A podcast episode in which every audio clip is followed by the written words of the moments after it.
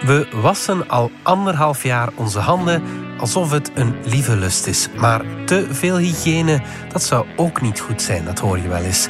Zijn we nu te proper of net niet? En het besturingssysteem Linux is jarig. Dat verdient een feestje. Het is vrijdag 16 juli. Ik ben Alexander Lippenveld en van de Standaard is dit Bits en Atomen.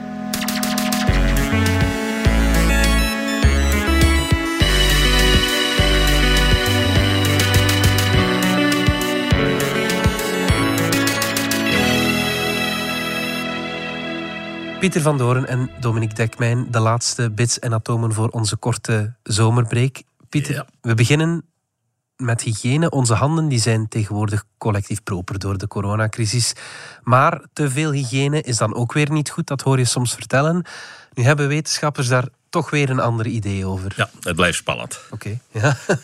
Wij allemaal hebben een immuunsysteem dat ons beschermt tegen aanslagen van bacteriën en virussen en van alles en nog wat. Mm als we geboren worden, hebben we dat nog niet, of is dat nog niet helemaal actief. Dat moet nog heel veel leren. Ja. Dat moet onder andere leren wat is gevaarlijk, wat is niet gevaarlijk, wat kan ik negeren. Uh, als je telkens als je iemand een hand geeft, uh, je immuunsysteem in gang schiet, dan ja. werkt natuurlijk niet. Dus je moet leren, andere mensen een hand geven is niet gevaarlijk. Mm. Nu, het immuunsysteem doet dat dus als we nog heel jong zijn. Mm. Maar nu zien we de laatste tijd dat mensen meer en meer astma beginnen krijgen eczeem, allergieën. De jongste decennia zijn die serieus in, eh, in opgang. Alles wat met het immuunsysteem te maken heeft, eh, werkt minder goed blijkbaar. Ja. En dan wordt er wel eens gezegd, het probleem is dat we tegenwoordig te proper zijn. Wij trainen ons immuunsysteem niet meer. We geven het niet meer de kans om nog van alles tegen te komen en daar de lessen uit te trekken. Ja. Nee, nee, we poetsen alles elke dag. We, uh, alle tafels worden afgeveegd, alle handen worden continu gewassen. Dat kan niet goed zijn, we zijn te proper. Oké, ja, ja, Dat is de theorie. En dat, ja, dat klinkt zinnig natuurlijk. Ja, ja, absoluut. Tot als je een beetje dieper gaat kijken. Het is in industrielanden dat uh, het probleem met het immuunsysteem zich aandient. In andere landen is dat veel en veel minder. Mhm. Dus ja, de eerste verdachte is dan de industrie natuurlijk. Ja, ja. Nu, men is dan gaan kijken. Men heeft in München en in Dresden de gevallen vergeleken. Allebei industriesteden, maar München is een moderne, ja. propere, tussen aanhalingstekens, industriestad. Dresden, Oost-Duitsland, ja. is een vuile, antieke industriestad. Ja. Dus je zou denken, ja, dan zou je denken dat, dat daar de mensen zieker worden. Ja. Nu, het is München dat veel meer uh, astma heeft. Okay. heeft de helft meer astma dan Dresden. Ah, ja. Dus hey, hey, was er hier aan de hand? Klopt niet, ja. En men is dan beginnen denken, het verschil zou kunnen zijn dat uh, families in Dresden meer kinderen hebben gemiddeld. Mm -hmm. Dus dat kinderen meer met elkaar ook in aanraking komen. En dat het Oost-Duitse systeem, dat ze daar veel vaker naar kinderkribben gaan. Ja, ja, ja. Meer contact met leeftijdsgenootjes. Ja, ja. Misschien is het daardoor dat ze beschermd zijn. Ja, ja. doordat je immuunsysteem dan geactiveerd wordt. Ja, beter getraind immuunsysteem. Ja, Oké, okay, ja, daar zijn we dan. Maar uh, wat doen we daar nu mee? Mm -hmm. Moeten we nu inderdaad een beetje minder proper gaan zijn of niet? Mm -hmm. Nu, deze mensen zeggen... Het ligt eigenlijk niet zozeer aan onze properheid. Het is niet het probleem dat we te proper zijn. Mm -hmm. Want als wij proper zijn, dan gebruiken wij poetsmiddelen... Ja om de ramen te poetsen, om de tafels proper te maken, om het aanrecht, de wc-bril, noem maar op. Ga je in de supermarkt kijken en je vindt een hele rek met allemaal verschillende soorten poetsmiddelen voor van alles en nog wat. Ja. Nu, die poetsmiddelen zijn niet de middelen die de bacteriën en de virussen aanvallen waar ons immuunsysteem mee te maken krijgt. Okay. Dat maakt van alles proper, mm -hmm. maar wat ons immuunsysteem moet leren, is niet zozeer die dingen die we daar proberen weg te doen met die poetsmiddelen. Nee, oké. Okay, ja. Dus uh, te proper poetsen kun je niet. Nee, oké. Okay. Het heeft niks te maken met je immuunsysteem. Ja. Zeggen deze mensen, het zijn er van uh, University College in Londen, uh, toch geen kleine groep, Mhm. mm -hmm. en van het Institute for Hygiene and Tropical Diseases in Londen, mm -hmm. onder leiding van onze landgenoot Peter Piot. Ja, die ook geen kleine jongens. Ja. Zeggen ze, nummer twee, je moet niet proberen van kinderen een kinderziekte te laten doormaken en daardoor het immuunsysteem te trainen. Nee. Mm -hmm. nee. Als je ze vaccineert, dat werkt even goed. Ja. Het werkt misschien zelfs beter. Ja, ja, We hebben de indruk dat vaccineren het immuunsysteem in zijn algemeenheid ook een beetje sterker maakt. Niet alleen tegen die specifieke ziekte waartegen je vaccineert, Ah maar gewoon een immuunsysteem dat af en toe eens vaccins ontmoet heeft en hard moeten werken heeft. Ja, dat is in de algemeenheid een beetje sterker. Ja, ja oké. ja. Je kunt dat nog niet bewijzen met sterfgevallen en dat soort dingen, maar die indruk hebben we. Mhm. Dus je moet kinderen niet ziek laten worden. Nee. Zeggen ze ook, uh, wat we daarnet al gezegd hebben, uh, poetsen uh, is niet erg. Want, zeggen ze, de bacteriën die je nodig en nuttig hebt, die je moet leren kennen en waar je lichaam geen ruzie moet tegen maken, zijn die, mhm. die uit je omgeving komen, uit de natuur. Ja. Wij hebben in de evolutie in, in grotten geleefd in eerste instantie en in leme huizen, altijd in contact met, met de natuur en de biologie van de natuur. Mm en tot dan ging het goed. Het is pas fout beginnen gaan toen we minder contact kregen met de buitenwereld. Mhm, ja. Niet doordat we te veel poetsten, maar gewoon omdat we ons terugtrokken in ja, betonnen dozen en, en zo verder en zo verder. Ja. Kijk naar het sick building syndroom. Mensen die tegenwoordig ziek worden van airconditioning en van gebouwen. Dat, dat ligt aan die moderne gebouwen. Dat, ligt, aan het feit dat ze te weinig met uh, hun normale, tussen aanhalingstekens, in contact komen. Ja. Dus zeggen ze, wees niet zo bang met poetsen, poets gerust, rustig door. Ja. Maar zorg dat je kind als het klein is veel in contact komt met broertjes en zusjes, met uh, papa en mama. Ja. Zorg daarvoor. Ja, oké. Ja, de rest zal blijken. Hè.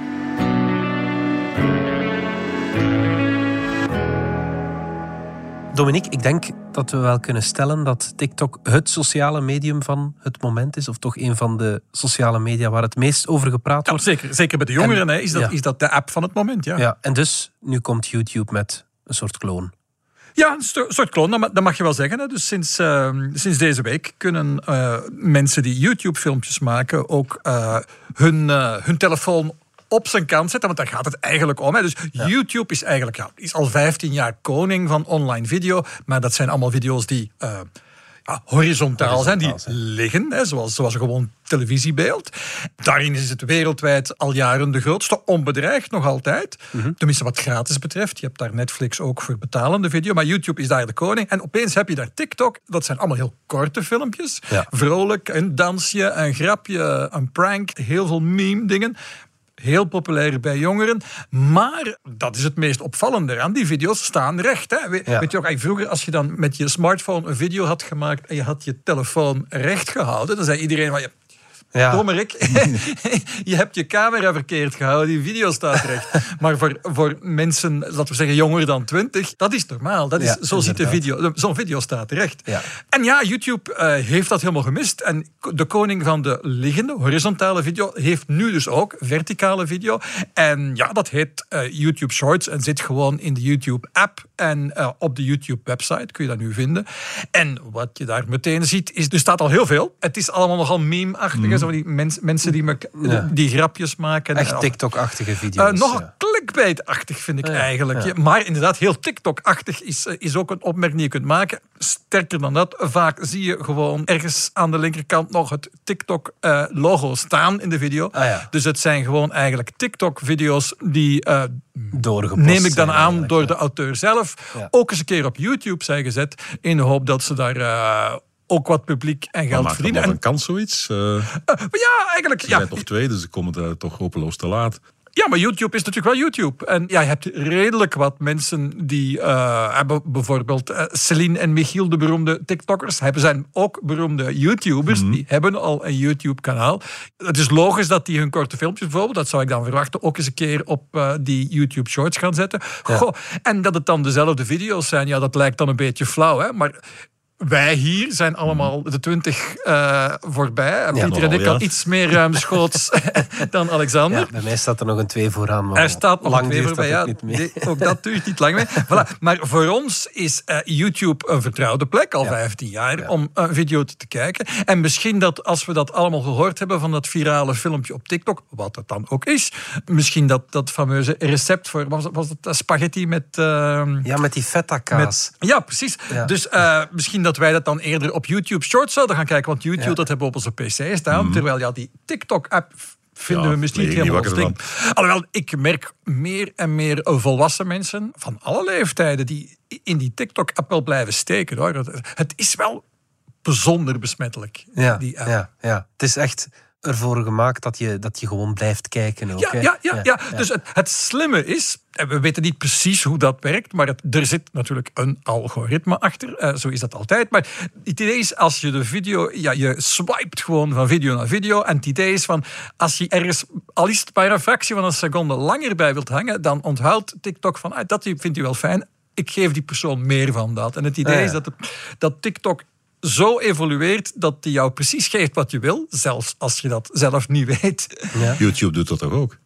Uh, YouTube doet dat duidelijk minder goed. Doet dat, uh, TikTok is daar iedereen in aan het verslaan. En de vraag is eigenlijk of YouTube en Facebook dat ook ondertussen in Instagram ondertussen iets gestopt dat Reels heet. En dat zijn ook van die rechtopstaande, ja. viraal bedoelde video's. Dus iedereen probeert het nu ook te doen. Ja, en de vraag is of dat iedereen dat even goed kan dan TikTok. Want TikTok heeft gewoon die niche gevonden. Hè, van ja, en die video's staan dus mhm. rechtop. En ze zijn heel kort. En omdat ze zo kort zijn, kijk je er heel veel. En dus leert het algoritme heel, heel, heel snel wat, jouw uh, wat jouw interesses zijn. Het werkt gewoon spectaculair goed. En nu is de vraag, kan iemand anders hen nog inhalen? En ja, iedereen had natuurlijk een beetje gehoopt, want Donald Trump was eh, zes maanden geleden nog aan het zeggen dat hij, dat hij TikTok ging mhm. verbieden. En dan zag het er even naar uit dat ja, als TikTok dan opeens verboden is, toch in Amerika, ja, dan kunnen we YouTube, Facebook of wie dan mhm. ook, kan dan in dat gat springen. En iedereen stond daar klaar voor. Helaas is er intussen een andere president en die is daar niet zo mee bezig. Mhm. Dus uh, TikTok blijft gewoon bestaan. Maar ik denk wel dat je aan YouTube daarnaast kan gaan staan. Voor, misschien vooral voor wat oudere mensen. Ook al zit je altijd met het probleem dat als je YouTube bent aan het kijken, ben je op zo'n horizontaal scherm bezig. En dan zou je je scherm eigenlijk moeten recht zetten. Die, ah, want anders zitten ze daar zo smal in het midden. Met moeilijk. Dat ziet er gek uit.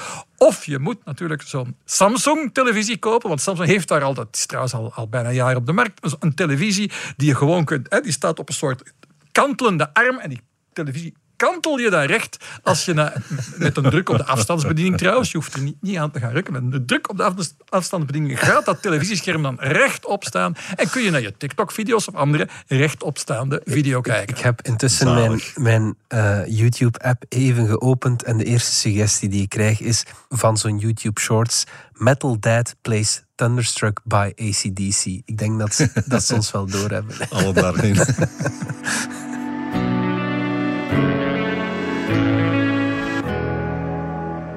Pieter, we zijn al decennia lang op zoek naar leven buiten mhm. onze aarde. Maar IT is duidelijk met onze voeten aan het spelen. Hè. Dat, ja, uh... hij laat zich niet pakken, in tegendeel. dat is wel duidelijk. Mijn boek over de jacht op uh, buitenaards leven is net uit en uh, de situatie is alweer helemaal anders. Ja, okay. Het evolueert bliksemsnel tegenwoordig. Ja, vertel. Ik heb een paar dingen bij elkaar gebracht wat hij ons de jongste tijd allemaal geflikt heeft. Mm Nummer 1, Enceladus. Uh Enceladus is een uh, maan van Saturnus. Ja. Uh, Saturnus heeft er heel veel en Enceladus was daar een van de vele van. Ja. Is in 2005 plots beroemd geworden. Toen bleek dat hij gijzers had, dat hij water de ruimte inspoot. En water is leven. En water is leven, of tenminste is een van de voorwaarden voor leven. Ja. Maar elke astronoom wordt wild enthousiast als hij ergens water vindt. Vloeibaar water dan. Mm nu, Cassini, de satelliet die dat gevonden heeft, die uh, heeft jaren rond uh, Saturnus gedraaid, heeft er heel veel foto's en metingen gedaan. En in het laatste van zijn carrière, toen zijn brandstof bijna op is, hebben ze hem zelfs dwars door zo'n gijzerpluim gestuurd. Mm -hmm. Met het risico dat hij uh, het niet overleefde, maar hij heeft het overleefd. Heeft okay. daar dingen opgeschept. En daar zat water in, uiteraard. Ammoniak zat daarin, daar zat waterstofgas in, daar zat methaangas in, mhm. daar zaten uh, kleine koolstofverbindingen in, mm tot een atoom of tien groot zo. Mhm. Allemaal dingen die toch compatibel zijn met leven. Ja, oké. Goed, daar is bij gebleven. Mhm. En nu plots hebben een paar mensen die uh, metingen uh, van toen is opnieuw door de molen gejaagd. En een programma geschreven om het te vergelijken met hoe het hier op aarde ja aan toe gaat op de zeebodem. Ja. Daar hebben we wat men noemt uh, hete spuiters. Uh, dingen die heet uh, water omhoog spuiten, dat het geladen is met ertsen en van alles en nog wat. Mhm. Daar zit altijd bloeiende oase van leven omheen. Ja. En wat blijkt? De beste verklaring voor wat men vindt in die, spui in die gijzerschinder op Enceladus is hetzelfde als hier beneden op aarde op de oceaanbodem. Oké. als je zoveel waterstof, zoveel procent eh, methaan, zoveel procent zus en zo wilt maken, de eenvoudigste manier is, maak zo'n hete spuiter op de, de bodem van de oceaan, laat daar leven rondzitten en uh, de afval die dan weer omhoog gaat, past perfect ja. bij wat er uit Enceladus komt, zeggen deze mensen. Ja, oké. Je zou dat methaan ook nog kunnen verklaren zonder dat je beroep moet doen op uh, levende wezens. Dat is op aarde ook zo. De meeste methaan die wij maken komt van levende wezens. Ja. Op boerende koeien vooral, uh, met ja. moerasgas. Ja. Maar wij hebben ook methaan, aardgas, dat in de grond zit en dat vanzelf omhoog komt. Ja, oké, dus dat kan ook zo ontstaan. Dat kan ook. Maar ook dat hebben ze helemaal doorgerekend en ze zeggen, het, je gaat er niet komen met uh, nee. de dingen die je hier op aarde vindt. Dan ga je toch nog een extra abiotische bron moeten vinden om te verklaren wat daaruit komt. Mm -hmm. Dus plots is Enceladus nu de interessantste kandidaat van allemaal om dringend naartoe te gaan en te gaan kijken ja. wat er aan de hand is. Ja. Alleen de komende 10, 20 jaar hebben we gewoon geen enkele satelliet om erheen te gaan. Ja. We zijn volop bezig met uh, andere dingen. Venus heeft zich uh, vorig jaar in de markt gevrongen. Dus alle plannen die we al hadden voor Venus zijn nu plots naar voren geschoven. Al het geld gaat daar naartoe. Ja. In 2022, volgend jaar, mm -hmm. stuurt de ESA JUICE omhoog de Jupiter Icy Moons Explorer. Ja. Die gaat alle manen van Jupiter, niet van Saturnus, bekijken. Want daar is het ook leuk, daar is ja. ook vloeibaar water. Ja. Maar minder leuk dan nu toch plots Enceladus. In 2024 stuurt de NASA Europa Clipper omhoog. En Europa is een maan van alweer Jupiter. Jupiter. En dat was lang de, de leukste kandidaat voor leven. Dat weten we al heel lang dat er een oceaan onder het uh, ijs zit. In 2027 gaan ze naar Titan. Ja. Dat is wel een maan van Saturnus, ja. maar dat is een, uh, toch een hele andere. Ja. En daar gaan ze met Dragonfly vliegen, de eerste drone. Uh, maar tegen dat we daar resultaten van hebben, zitten we in de jaren 30. Ja. En dan en pas dan eventueel is er eventueel Enceladus. Dus ja. die zitten ons daar vrolijk uit te lachen. Um, je haalt een aantal van die missies aan. Dat zijn missies die naar die manen ja. vliegen van die planeten. Wil dat ook zeggen dat er potentieel leven is op Saturnus in of op Saturnus? Of, op die uh, planeten zelf uh, was hoogst waarschijnlijk niet. Dat zijn uh, ja. gasreuzen, dat begint met gassen. Want het is niet omdat een maan rond een planeet vliegt, dat die daar ook zijn origine heeft, of, of wel? Nee. nee. Sommige manen worden van elders ingevangen. Okay, ja. Bij deze weten we het niet helemaal, maar waarschijnlijk hebben ze wel altijd behoord bij de planeet waar ze nu omheen draaien. Nou ja, okay, ja. Uh, doordat die planeten zo gigantisch zijn, hebben die enorme zwaartekracht. Ja. En met die zwaartekracht veroorzaken ze getijden, ja. wat de maan bij onze oceanen doet. Maar onze maan kan water optillen, ja. maar dat, dat soort dingen kunnen ook uh, grond en bodems kneden. En dat geeft dus enorme warmte en aardbevingen. En dat is net de aandrijving, dat levert net de energie, vooral dat uh, ah, ja. vloeibaar water op die manen die eigenlijk ja, knoerhard bevroren zouden moeten zijn, zo ver van de zon. Ja, ja, ja. oké. Okay. En dan Venus. Ja. Daar hebben we nu net al ons geld opgezet, want het was daar spannend. Plots in voilà. de wolken is daar fosfine gevonden, ja. PH3. Ja. Uh, verbinding tussen fosfor en waterstof. Mm -hmm. Clara Souza Silva, onderzoekster, heeft meer dan tien jaar van haar leven besteed om uit te zoeken hoe je fosfine allemaal kunt maken. Ja. En het resultaat is, er is geen enkel natuurlijk proces dat fosfine maakt. Mm -hmm. De enige die het doen zijn bacteriën, zijn chemici en zijn... Uh, slechte drugsmakers. Ja, levende wezens. Levende wezens. Ja. Met één kleine uitzondering. Heel diep in het binnenste van die gigantisch grote planeten, waar de drukken enorm zijn en de temperaturen nog veel enormer, daar zou je fosfine kunnen maken. Okay. Dus enorm enthousiasme toen fosfine gevonden werd op uh, Venus. Ondertussen is dat enthousiasme al een beetje gezakt en beginnen er toch stemmen te komen die zeggen: ja, je metingen zijn toch een beetje vuil en uh, ah. hoe zeker ben je eigenlijk wel en heb je het niet verkeerd bekeken en waarom vind je het in de ene satellietmeting wel en in de andere niet en bla bla bla. Ah, okay. En nu zijn er zelfs kerels die zeggen dat fosfine op Venus komt gewoon uit de grond, jongens. Hmm, ja. Als je maar diep genoeg in Venus gaat, zijn de omstandigheden er zo dat je toch een verbinding tussen fosfor en ijzer kunt maken ijzerfosfide. Ja. Als dat van diep genoeg omhoog kan komen, ja. en op aarde zijn er uh, wat men noemt pluimen van uh, magma die omhoog komen, mm -hmm.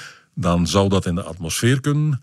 Als je in de atmosfeer van Venus uh, vulkaanuitbarstingen hebt van het model Krakatau, ja. de tweede grootste die we ooit meegemaakt hebben, op 1883. Was dat, hè? Ja. ja.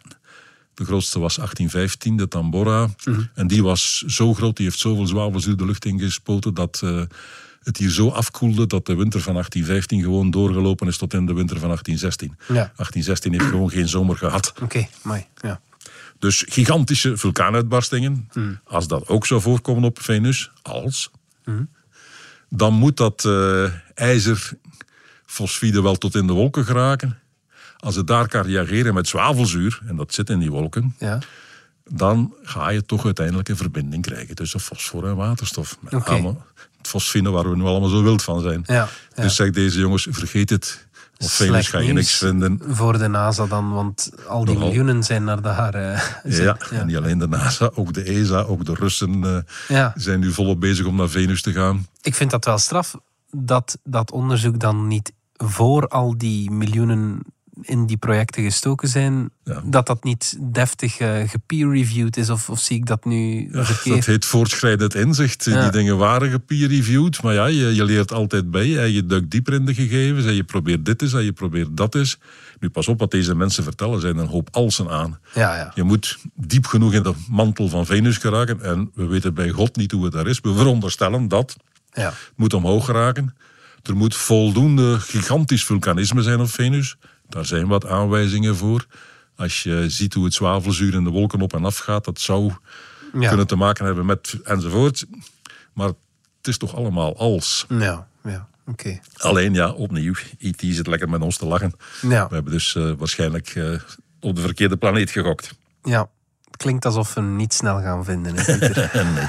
En dan is er nog Mars. Oké, ja lang ook de planeet waarvan we denken, als we leven zullen vinden, zal het eerst hier zijn. Ja. Volop aan het zoeken.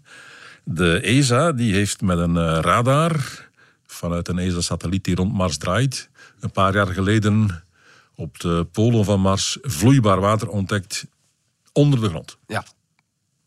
Algemeen bekend. Ja. Maar nu zijn er uh, weer kerels die een uh, Geophysical Research Letters, een, toch een blad met een uh, goede reputatie in die sector, mm -hmm. die zeggen: wat je daar ziet, die, dat oplichtende stukje grond daar, dat kun je inderdaad verklaren door vloeibaar water. Mm -hmm. Vloeibaar water kaatst die radarstraal enorm terug en je ziet een oplichtend beeld. Ja. Maar, zeggen ze, jullie hebben voor het gemak alleen gekeken naar de permittiviteit. Oké.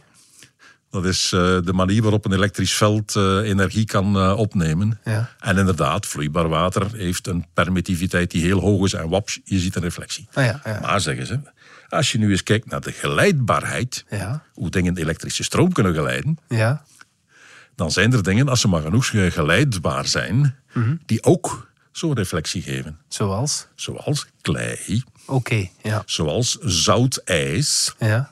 Ja.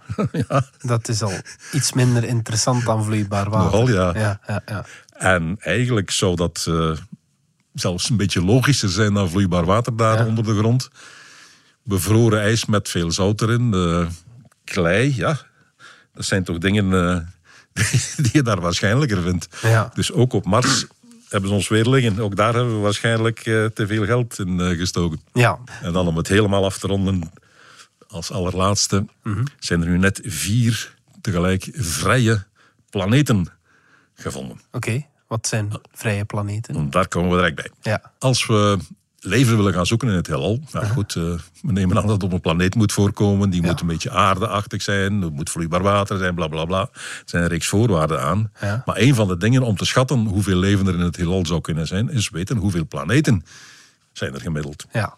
We beginnen daar goed zicht op te krijgen. We bevinden steeds meer exoplaneten bij allerlei sterren. Ja. Je kunt ervan uitgaan, elke ster heeft wel op zijn minst één planeet.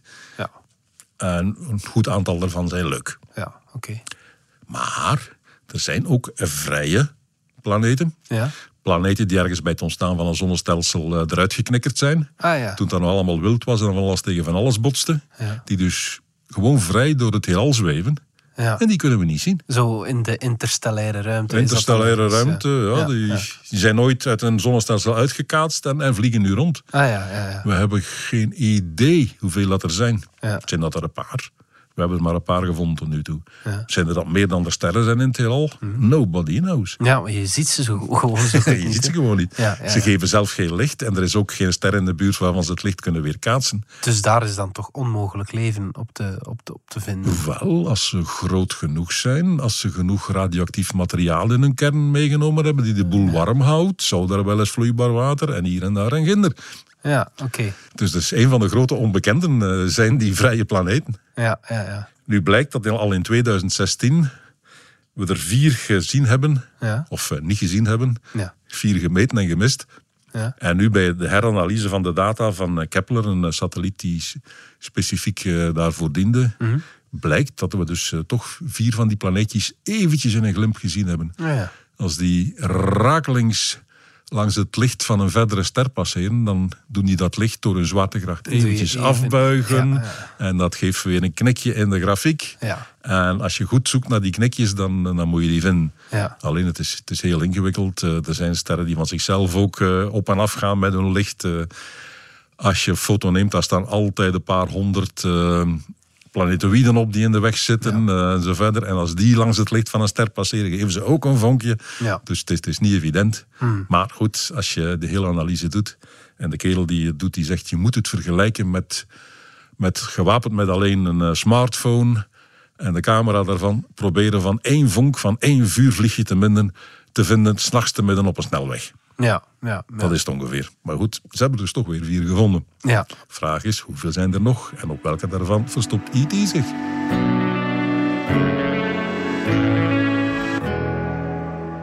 Dominique, het besturingssysteem Linux heeft de mooie leeftijd van 30 jaar bereikt, of, of doet dat later dit jaar. Chapeau daarvoor. 30 jaar geleden, dan stond jij in de kinderschoenen van je journalistieke carrière, als ik het goed heb. Ja, ja dat is eigenlijk Weet je nog hoe die, van het hele begin heb. Ja, ik herinner me toch nog dat een, een, collega van mij, ergens in 92, had het al eens een keer op zijn pc uitgeprobeerd. Ja, dat was dat is een, gewoon een boeiend, boeiend avontuur geweest. Als je ziet, hè, dus dat een, een student eigenlijk voor zijn eindwerk mhm. aan de Universiteit van Helsinki maakte hij gewoon zelf een besturingssysteem voor de PC die hij net zelf gekocht had. Letterlijk heeft hij altijd verteld, omdat hij geen geld had om een ernstig besturingssysteem. Want een, een, ernstig systeem voor nerds is altijd uh, Unix uh, geweest. Hè? En hij wilde een versie van Unix maken, iets dat op, sterk op Unix leek, dat, zo, dat werkt zoals Unix voor zijn Intel 386 PC die hij net gekocht had. Heeft hij dan helemaal zelf gedaan. En dan 30 jaar later merk je dat Linux, hè, want hij heette Linus Torvalds. Mhm. En hij heeft dat besturingssysteem gewoon naar zichzelf Linux genoemd. En dan merk je dat dat overal zit. Ik heb hier een smartphone vast en dat is een Android-smartphone. Maar Android draait eigenlijk bovenop een Linux-kern, die hij dus. Ah, eh, geschreven heeft toen, 30 jaar geleden. Enfin, het is al een paar keer herschreven. Maar dus 70, 80 procent van alle smartphones in de wereld draaien op Linux. Het grootste gedeelte van het internet, de webservers, uh, internetservers, draaien eigenlijk bijna allemaal uh, op Linux nu. Dus die kerel is stinkend rijk. Ja, dat zou ik dan ook denken. Dat zou je dan denken. Ja. Maar juist het hele geheim van het succes van eh, Linux was eigenlijk dat hij op dat moment gewoon gezegd heeft van kijk, ik ben, dat heeft hij dan in uh, augustus 91 gedaan. Mm Heeft hij gewoon gezegd van kijk, ik heb hier iets. Ik ben, ik ben uh, een besturingssysteem aan het schrijven. Wie wil er meedoen? Je mag het allemaal hebben en iedereen mag het dan mee installeren. En hij heeft daarmee dat idee van uh, we gaan die software gewoon even samen maken en iedereen mag het hebben en iedereen mag er zelf iets aan veranderen. Maar opgelet, als je er iets aan verandert en je maakt een betere versie, moeten wij die verbetering ook kunnen gebruiken. Dat, ja. dat hele idee van wat men noemt open source softwareontwikkeling. Dat heeft hij niet verzonnen, maar hij heeft dat zo succesvol gedaan. En dat had nog, nog niemand ervoor gedaan. En plots hebben we, hebben we dus een, een operating system dat op de meeste webservers en de meeste smartphones draait. Een beetje ironisch, hij had het natuurlijk geschreven voor zijn PC. En de enige mhm. plek waar Linux eigenlijk 30 jaar later niet succesvol is, is eigenlijk als operating system op de PC, als alternatief voor Windows. En dus heel weinig mensen. Ik heb het in, een, in, in een virtuele machine wel op mijn PC draaien, maar mijn PC is ook gewoon een Windows-machine. Maar nee, dus, dus eigenlijk wat hij wilde doen, een operating system maken voor de PC, is ja, het, ergens wel gelukt. Ja. maar dat is niet het succes geworden. Maar overal anders, bij wijze van spreken, is er eigenlijk alleen nog maar Linux. Eh, elk uh, intelligent toestel dat je in huis draait, daar kan je donder op zeggen dat het op Linux draait. Ja, ja. je hebt hem ooit gesproken, zei je daarnet in ons, uh, in ons vorige gesprek. Ja, er was, uh, ik, ik ben tegen het lijf gelopen in 99 uh, in San Jose, Californië. Toen hielden ze voor het eerst eigenlijk de wereldwijde Linux World de beurs. -huh. En ja, je liep er gewoon rond en ik heb gewoon even een praatje gemaakt, dat kon toon. En, maar het is ook een, een, een hele gewone man. Hè. Ja. En hij is dus, ja, zoals we eigenlijk al gezegd hebben, helemaal niet rijk geworden ervan. Hij heeft in, on, onlangs in een interview gezegd van ik ben een goed betaalde software-ingenieur. En zo is het goed. Hè? Dus, ja, okay. En hij heeft vooral, uh, ja, Linux is hij ook altijd blijven opvolgen. De reden dat Linux zo'n succes is geworden, ja, is uh, volgens sommigen omdat hij dan die broncode publiceerde. Iedereen kon eraan meeschrijven. Maar dat is maar de helft van het verhaal. De andere helft van het verhaal is hoe krijg je mensen zo gek om eraan mee te werken? En ja, ja dan heb je eigenlijk wel een, een charismatisch, uh, visionair eigenlijk, figuur als Linus Torvalds nodig. Want eigenlijk alleen met Linux is het op die schaal zo gelukt om iedereen mee aan boord te krijgen al 30 jaar intussen om mee te werken aan iets waar je eigenlijk niet rechtstreeks iets aan verdient. Er zijn mensen genoeg die hun brood verdienen met Linux, maar Niemand is eigenaar van Linux. Nee. Uh, het is een merkwaardig model. En hij heeft dat voor een stuk allemaal recht gehouden, omdat al die topprogrammeurs die willen eraan meewerken. En die willen dat uh, Linus Torvalds hun dingen goed vindt. En als hij het niet goed vindt, dan laat Linus Torvalds het heel hard... Uh, hij stond, hij stond bekend voor zijn scheldtirades ook ah, wel. Ja, okay, ja. dus hij heeft nogal bloemrijk taalgebruik. maar verder ook een, een, fantastisch gevoel voor humor. En ja, die, die man heeft dat 30 jaar getrokken. En uiteindelijk is het ja, eigenlijk heel, heel gek om nu te kijken wat voor een gigantische invloed die man heeft gehad eigenlijk op is het, het meest, internet, ja. op de industrie. Terwijl dat, ja, voilà. Dus Bill Gates heeft ook toen hij nog eigenlijk, denk ik, officieel op de, aan de universiteit zat, een besturingssysteem gemaakt en aan IBM uh, verkocht dan, MS-DOS. Met dat verschil dat hij het eigenlijk niet uh, zelf uh, geschreven had. En zeker niet mm. grote stukken. Misschien had hij er een beetje. En zijn maat Paul Allen had er het iets meer van geschreven. Maar ze hebben vooral dat was een op stuk... basis van iets dat al bestond. Ze hebben gewoon iets gepakt dat al bestond. En ja, die man is lang de rijkste mens ter wereld geweest. En ja, dan heb je Linus Torvalds, die het dan eigenlijk in zijn eentje deed. Oké, okay, hij baseerde zich op iets dat bestond, Unix. Mm -hmm. Hij heeft dat een iets gemaakt dat daarop leek. Maar hij heeft eigenlijk vanuit niks een besturingssysteem gemaakt dat zou je kunnen zeggen, eigenlijk nu groter is dan Windows. In veel opzichten, als je de Android-smartphones meetelt, is het zeker veel groter. En ja, die man is buiten die softwarewereld amper bekend. Is zeker niet uh, stinkend rijk geworden. En is ah, merk, dan merkwaardig ergens figuur. niet jaloers op de Bill Gatesen en Steve Jobs en Steve Wozniaks van de, van de Ja, hij beweert dus van niet. Hè. Dus, ja. uh, dus het citaat dat ik net gaf dat, dat recente interview. Ja, voilà. Geloof je dat? Want ja, bon. het, het, is, het is een merkwaardig figuur. En ja, die Linux-wereld is ook heel erg een nerdwereld. En binnen die wereld is hij wel degelijk God. Hè? En uh, die zelf af en toe wat lijnen code bijdraagt zelfs aan die kern van... Dus de, wat ze noemen de kernel, het hart eigenlijk van het besturingssysteem. Dat leidt hij zelf van heel korte afstand al 30 jaar. Dus dat is eigenlijk ongelooflijk. En binnen die wereld heeft hij dus een gigantische achting. En ik denk, ik heb de indruk dat dat hem inderdaad veel belangrijker is dan wat dat, uh, de gewone mensen daarvan zouden denken.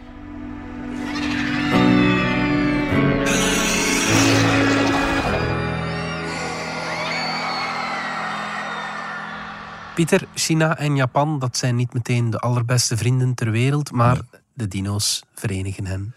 Ja, ik heb toch altijd begrepen dat China en Japan inderdaad uh, plaatselijke concurrenten voor de ja. overmacht in Azië waren, al honderden jaren. Ja. En in China zijn ze zeker uh, de inval in Manchuria in de jaren 30, net voor de Tweede Wereldoorlog, niet vergeten. Ja. Toen de Japanners daar binnengevallen zijn en er nogal uh, beestig uh, doorheen gegaan zijn. Kijk, bits en atomen is ook soms geschiedenis. dus, maar in elk geval, je kunt niet meteen zeggen dat China en Japan goede vrienden zijn. Mhm. Mm -hmm. Maar nu blijkt in de provincie Sichuan in Zuidwest-China, mm -hmm. hebben ze een dino gevonden iets van een vier meter lang moet hij geweest zijn, een vleeseter. Mm -hmm. Of juist, er hebben ze voetsporen gevonden. Mm -hmm. Ergens in een riviertje dat doorheen een dorpje gaat. En als je de foto's van dat uh, dorpje ziet, het, het zou Beieren kunnen zijn. Ja, oké. Okay. Een ondiep riviertje, vakwerkhuizen daaromheen. Ah, ja. Nu, dat is niet eens zo gek. Want er zijn, uh, in vroegere jaren zijn heel veel Duitsers inderdaad uitgeweken naar China. Ah, ja. En uh, Tsingtao, het bier dat je hier wel uh, kunt krijgen bij de Chinees, ja. dat is eigenlijk een bier dat door afstammelingen van zo Duitse inwijkelingen gebrouwen wordt op zijn bijers. Ah ja, oké. Okay, ja. Dus waarschijnlijk is het ook zo'n stadje waar ooit Duitsers gewoond hebben. Maar goed, in de rivier hebben ze sporen gevonden van een dino. Ja. Van het geslacht Eubrontes. Daar waren al een paar uh, types van. Mhm. Maar deze was toch weer iets anders. Ze zeggen nee, het is toch een nieuwe soort. En we gaan hem dopen Eubrontes nobitae. Oké. En dan moeten we even bij Nobita blijven stilstaan. Ja. Nobi Nobita is een figuurtje uit een uh, tekenfilm- en stripserie. Mm Japans uh, manga-stijl. Oké. serie heet uh, Doraemon. Ja. En Doraemon is een robotkat uit de toekomst die teruggestuurd is naar het verleden om daar Nobi Nobita, die jongen, te helpen. Okay. Zijn kleinzoon uit de toekomst vond dat uh, opa toch maar heel slecht deed en uh, een beetje hulp kon gebruiken, dus die heeft zijn robotkat teruggestuurd. Uh, back to the future in feite. Ja, het hetzelfde type verhaal. Marty McFly kon die dino ook genoemd. voilà. ja. En Nobi, Nobi Nobita heeft al tientallen films op zijn actief ondertussen. Is wereldberoemd in China. Ja. En de eerste film die hij ooit gekregen heeft in 1980, die heette Nobita's Dinosaurus. Ah ja. En heeft onder, avonturen onder water en met spoken en met spionnen en god weet wat. En in 1987 waren er de Dinosaurus Ridders. In 2006 was er Nobita's nieuwe dinosaurus. Vorig jaar is er nog een dinosaurusfilmpje met Nobita uitgekomen. Ja. Dus hebben deze Chinese onderzoekers gezegd... Nobita is eigenlijk wel een leuk figuurtje om onze dino naar te noemen. En bovendien, het is een symbool van de Chinees-Japanse vriendschap. Dus we zitten er allemaal naast. Nee, nee, China en Japan zijn vriendjes dankzij de dino's. Dankzij de dino's. Goed. Pieter en Dominique, dank jullie wel. Dit was Bits en Atomen. Bedankt voor het luisteren. We zijn er een paar weken niet, maar op 20 augustus zijn we terug. Reageren kan via podcast.standaard.be. Alle credits vind je op standaard.be-podcast.